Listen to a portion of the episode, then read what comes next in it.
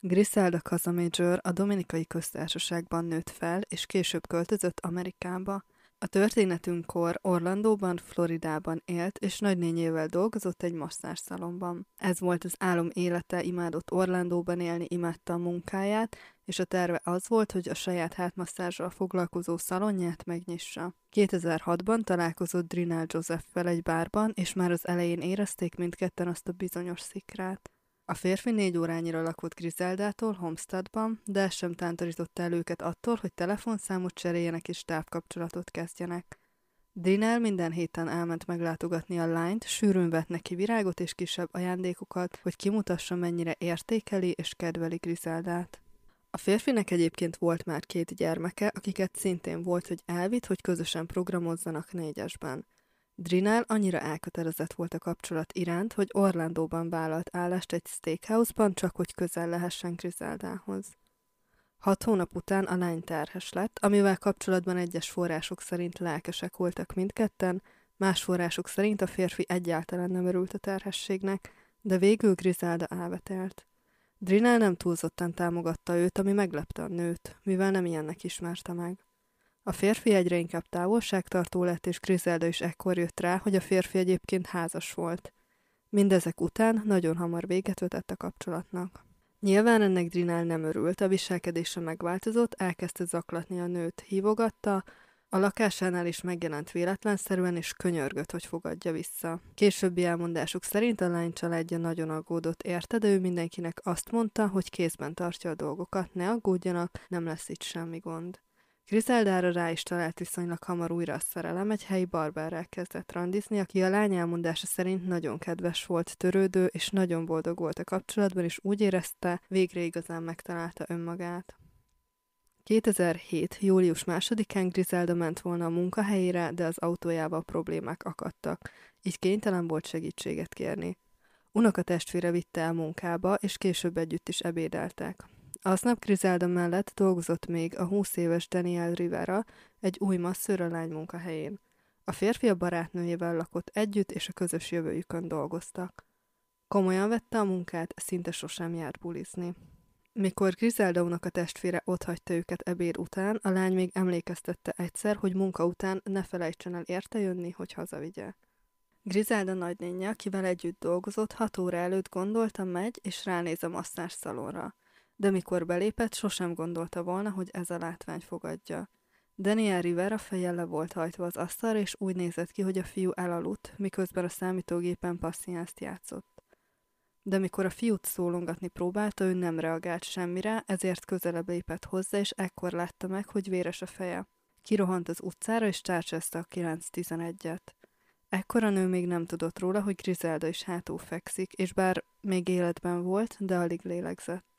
A rendőrség is megérkezett, és ők találták meg a lányt, akit egyes források szerint kétszer, más források szerint négyszer fejbelőttek, és nem sokkal később a kórházban hunyt el. Nem sok nyom volt a rendőrségnek, amin el tudott volna indulni. Annyit már rögtön az elején megállapítottak, hogy Rivera mennyasszonya 5-21-kor beszélt utoljára a férfival. A rendőrök hatkor már kint voltak a helyszínen illetve Griselda is még élt, amikor odaértek, tehát nagyon rövid idő alatt kellett, hogy a tragédia megtörténjen. Azt is hamar sikerült megállapítaniuk, hogy valószínűleg Griselda lehetett a célpont, mivel Rivera elmondásuk szerint egy boldog férfi volt, nem voltak ellenségei. Viszont egyértelművé vált az is, hogy Riverát lőtték le először, és csak utána vették célba Griseldát. Egy szemtanú később előállt, aki elmondta, hogy 5.45 körül ment be az üzletbe, viszont ő is úgy látta, mintha Rivera aludna, ezért kiment a szalomból. Nem látta a lány testét sem, és semmi gyanúsat sem tapasztalt. Griselda új barátját is kihallgatták, viszont egész nap a munkahelyén volt, amit bizonyítani is tudtak, így őt kizárták a gyanúsítottak közül. A férfi teljesen összetört a lány halála miatt. Kilenc nappal a gyilkosság után, amikor Griselda édesanyja a lány szobájában pakolt, az egyik komódban egy kézzel írt jegyzetet talált, amire azt írta Griselda, hogy idézem, hogyha ezt a levelet olvasod, halott vagyok, és Gina Joseph tette. A hatóságok és a család is arra gyanakodott, hogy a nő valószínűleg elkezdett félni a férfitől és próbálta tartani a távolságot. Viszont ahogy már korábban említettem, Joseph nem adta fel, mindenáron szerette volna visszahódítani a lányt. A barátok is arról tanúskodtak, hogy a férfi már a szakításuk előtt is volt, hogy erőszakosan viselkedett a lányjal. Illetve volt egy incidens, amikor Griselda Miami-ba ment a barátaival egy fesztiválra, és vásárolni szerettek volna. Ezért a lány felhívta Drinát, aki a közelben lakott. Mikor a férfi odament, a barátok látták, hogy csúnyán bánt a lányjal, illetve olyanokat mondott neki, hogy örökké az övé lesz, és ha az övé nem lehet, akkor senki sem. A férfit bevitték kihallgatásra, itt elmondta többek között azt is, hogy jó munka volt a lányjal való kapcsolata, viszont mindig is a felesége volt az elsődleges és a legfontosabb számára.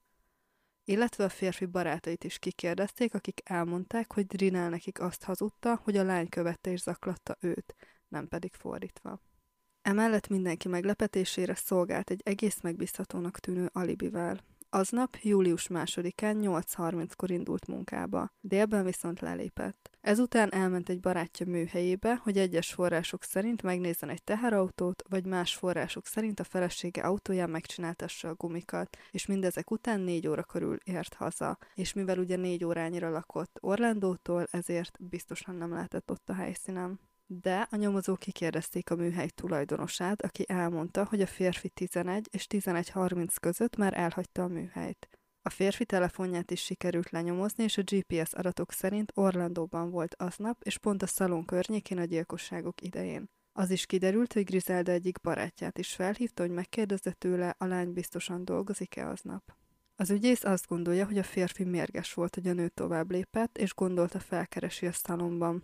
Mikor belépett a helyre, lelőtte Riverát, ezután Griselda után Eret, aki próbált elmenekülni, viszont a férfi utolérte és fejbe lőtte. Ezek után hazavezetett Homesteadba. 2007. július 27-én tartóztatták le Daniel Rivera és Griselda Casamajor meggyilkolásáért. 2008. májusában állt bíróság elé, ahol semmit nem mondott saját védelme érdekében. Életfogytiglani börtönbüntetésre ítélték a szabadlábra helyezés lehetősége nélkül.